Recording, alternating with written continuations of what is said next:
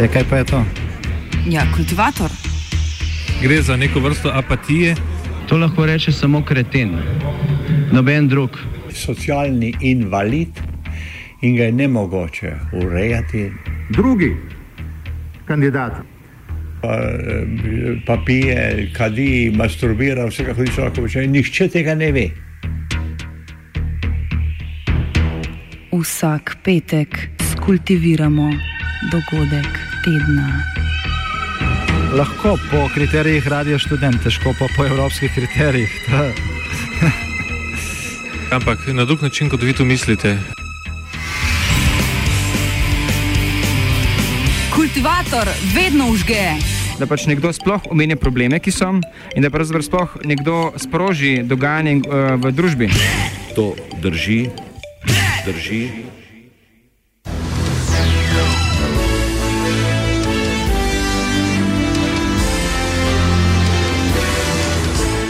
Danes v kultivatorju, kadrovske spremembe na RTV, nejasna vloga boja na travna, napake vredne več sto tisoč evrov. Radio televisioni e Kosovo. Radio televisioni e Kosovo. Radio televisioni e Kosovo. Radio televisioni e Kosovo.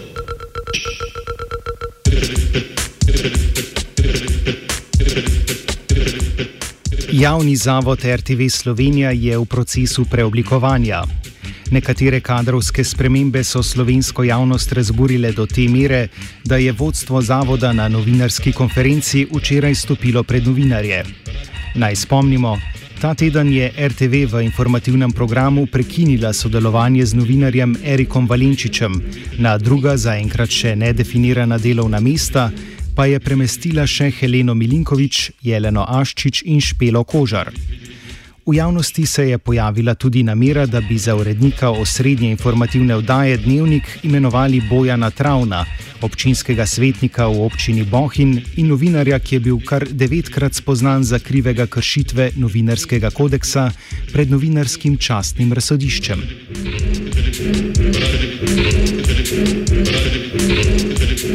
Obe novici sta sprožili kritike, da gre za preoblikovanje javne televizije po ideoloških merilih.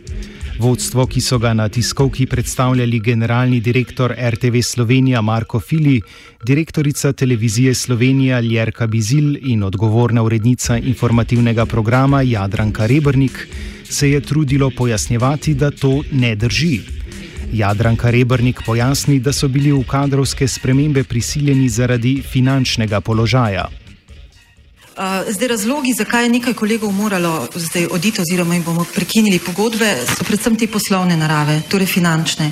Julija, julija smo uh, dobili rebalans na mizo.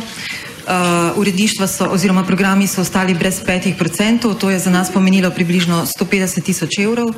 In glede na to, da so honorarji približno 80 procentov tega denarja, ki ga imamo, smo se pač morali odločiti tudi za to potezo. To gotovo ni bilo lahko. Varčevanje torej.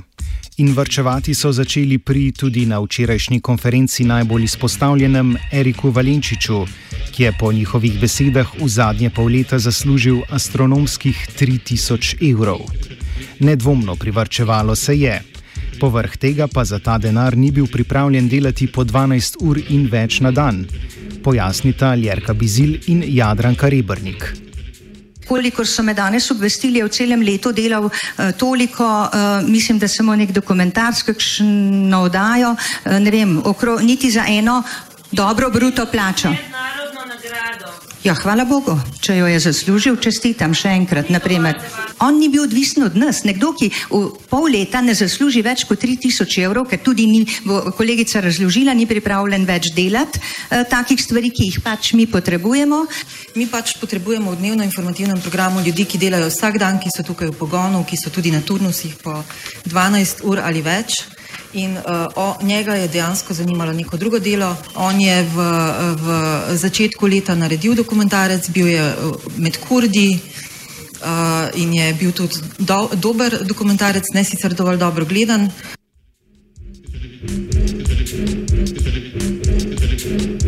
Govorci so sicer proti koncu priznali, da za produkcijo takšnih dobrih dokumentarcev in raziskovalnega dela novinar potrebuje čas, ki mu onemogoča vsakodnevne objave. In to je poseben način dela, ja, se strinjam. Takšen kvaliteten način dela, ki na RTV očitno velja za posebnega, pa ne bo omogočen tudi ostalim trem premeščenim v informativnem programu. To so Helena Milinkovič, Jelena Aščič in Špela Kožar. Glede njihove situacije vodstvo ni imelo pojasnil. Očitno niso bile dovolj strokovne in prizadevne in bi se jih dalo bolje uporabiti na drugih področjih, naprimer v tretjem programu. Bizil in Rebrnik sta ustrajali, da so kadrovske spremembe sledile jasnim kriterijem. Kot sem povedala, prvi razlog je bil poslovne narave, se pravi, to nas je zdaj prisilila ta finančna situacija, drugače tega gotovo ne bi naredili. Uh, pri pripravi tega seznama z naše strani je bil bolj kratek, sicer gre za te štiri kolege. Uh, smo se odločili na podlagi večjih kriterijev tega, kje še delajo, kje jih še lahko porabimo v informativnem programu, ker zdaj pač, odkar je ta združitev parlamentarnega in informativnega programa, pač iščemo načine, da ljudje delajo na večjih koncih, da lahko čim bolj izkoristijo tudi to, kar jim ta program ponuja. Moji kriteriji so pri uh, ohranjanju sodelavcev, uh, lahko dobro tam, kjer pač so projektne, se projekti ukinjajo, nimaš kaj, drugače so pa to kakovost, strokovnost, prizadevnost, pa tudi ta stalnost ki je pomembna na vse zadnje. Ne? No, očitno pa ti kriteriji na RTV ne veljajo za vse enako. Govorci so namreč priznali, da je v hiši še več drugih osebkov, ki nič kaj dosti ne delajo. Je pa res, da smo vodenje te oddaje ponudili v kakršni koli obliki, to bi se pač pogovarjali naprej, Kseniji Horvat. Ona je tudi ena od teh primerov, ki so pač redno zaposleni in bi morali delati še več, ampak v tem trenutku še razmišlja oziroma ne vem, kako naj rečem, išče verjetno ovinke, da ne bi tega delala. Ja, zamišljamo, jaz jo spoštujem, želim, da dela uh, in se trudimo, da bo. Zdaj trenutno pa ima malce težav kot sem slišala, kot sem bila obveščena. Tako da se bo ta, uh, to njeno delo malce moralo preložiti. Hvala lepa. Kar se tiče pa uh, Miše, pogledajte, um, pogledajte zdaj odziv na kolego, ki, za katerega bo odločeno, da ne bo več stalno sodeloval, samo projektno. Da si predstavljate uh, postopek odpovedi delovnega razmerja Miši Mok. Mislim.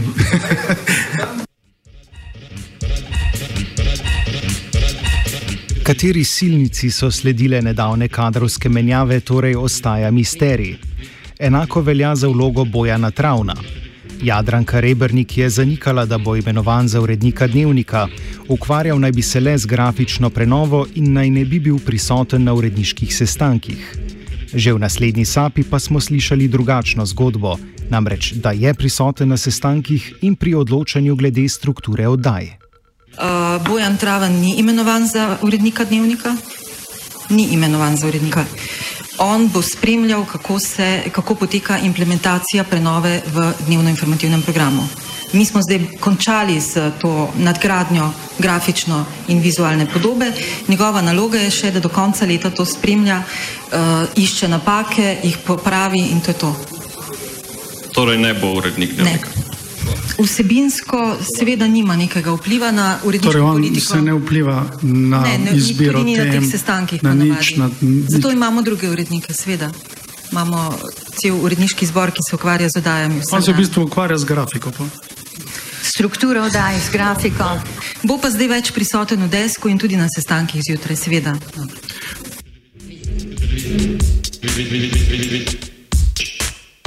Kakšen vpliv daje odločanje o strukturi oddaj, ne uredniku, pač pa svetovalcu, a še vedno občinskemu svetniku ter serijskemu kršitelju novinarskega kodeksa Bojanu Travnu, nam ni uspelo izvedeti. Ta vpliv zbuja skrbi predvsem zaradi njegovih izdatnih izkušenj na komercialnih televizijskih postajah, katerih poslovni model temelji predvsem na razvedrilnih oddajah. Vodstvo povdarja, da RTV ne stopa po poti rumenizacije, a da je za voljo tekmovanja z ostalimi mediji pozornost treba nameniti tudi zabavnim oddajam, ne glede na ceno. Pojasnita Bizil in Fili. V svoj program sem na prvo mesto zapisala verodostojnost in zanimivost hkrati, ker če pa nas ne gleda nihče, nas pa tudi ni, oprostite. Ne? Vsi projekti um, razvedrilnega programa so, niso poceni. Vsaka oddaja je draga in sega tam med 30 in 40 tisoč evrov. Uh, misija Eurovizija je stala celo čez 60. In to je primerljivo z vsemi oddajami, uh, ki jih delajo tudi druge televizije, tako to je. Zgodila se nam je ena slaba serija oddaj, ni bila uspešna, smo ustavili to, morda bi jo morali prej, ampak pač. Trajala je to sezono, pogodbe so bile sklenjene za sezono, to smo izpeljali. Delamo pa tudi mi lahko napake in jih tudi priznamo. Jaz tudi sprejmem kritike, kaj narobi v našem podjetju.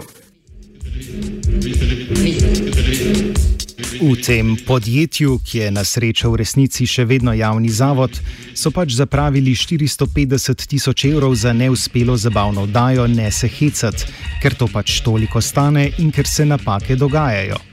Se pa vrčuje pri novinarjih, ki na mesto prevajanja agencijskih novičk producirajo poglobljene vsebine.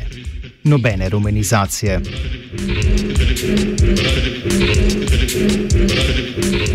Zaključimo s pomenljivo predstavitvijo uredniške neodvisnosti, ki smo ji bili priča na včerajšnji tiskovni konferenci.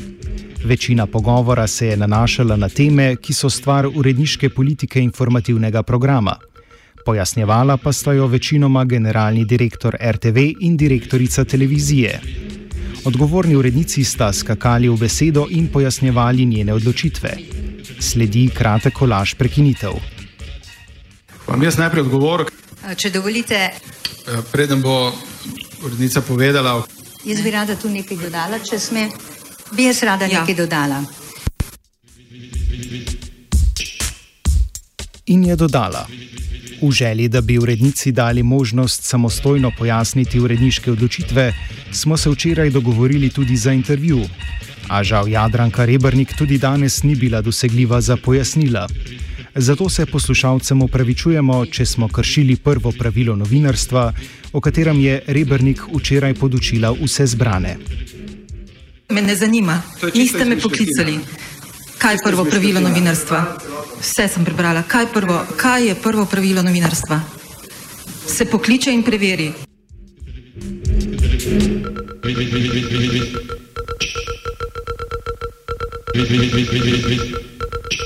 Jesensko porumenilo polje javne radiotelevizije sta skultivirala Cviter in vajenka Katja.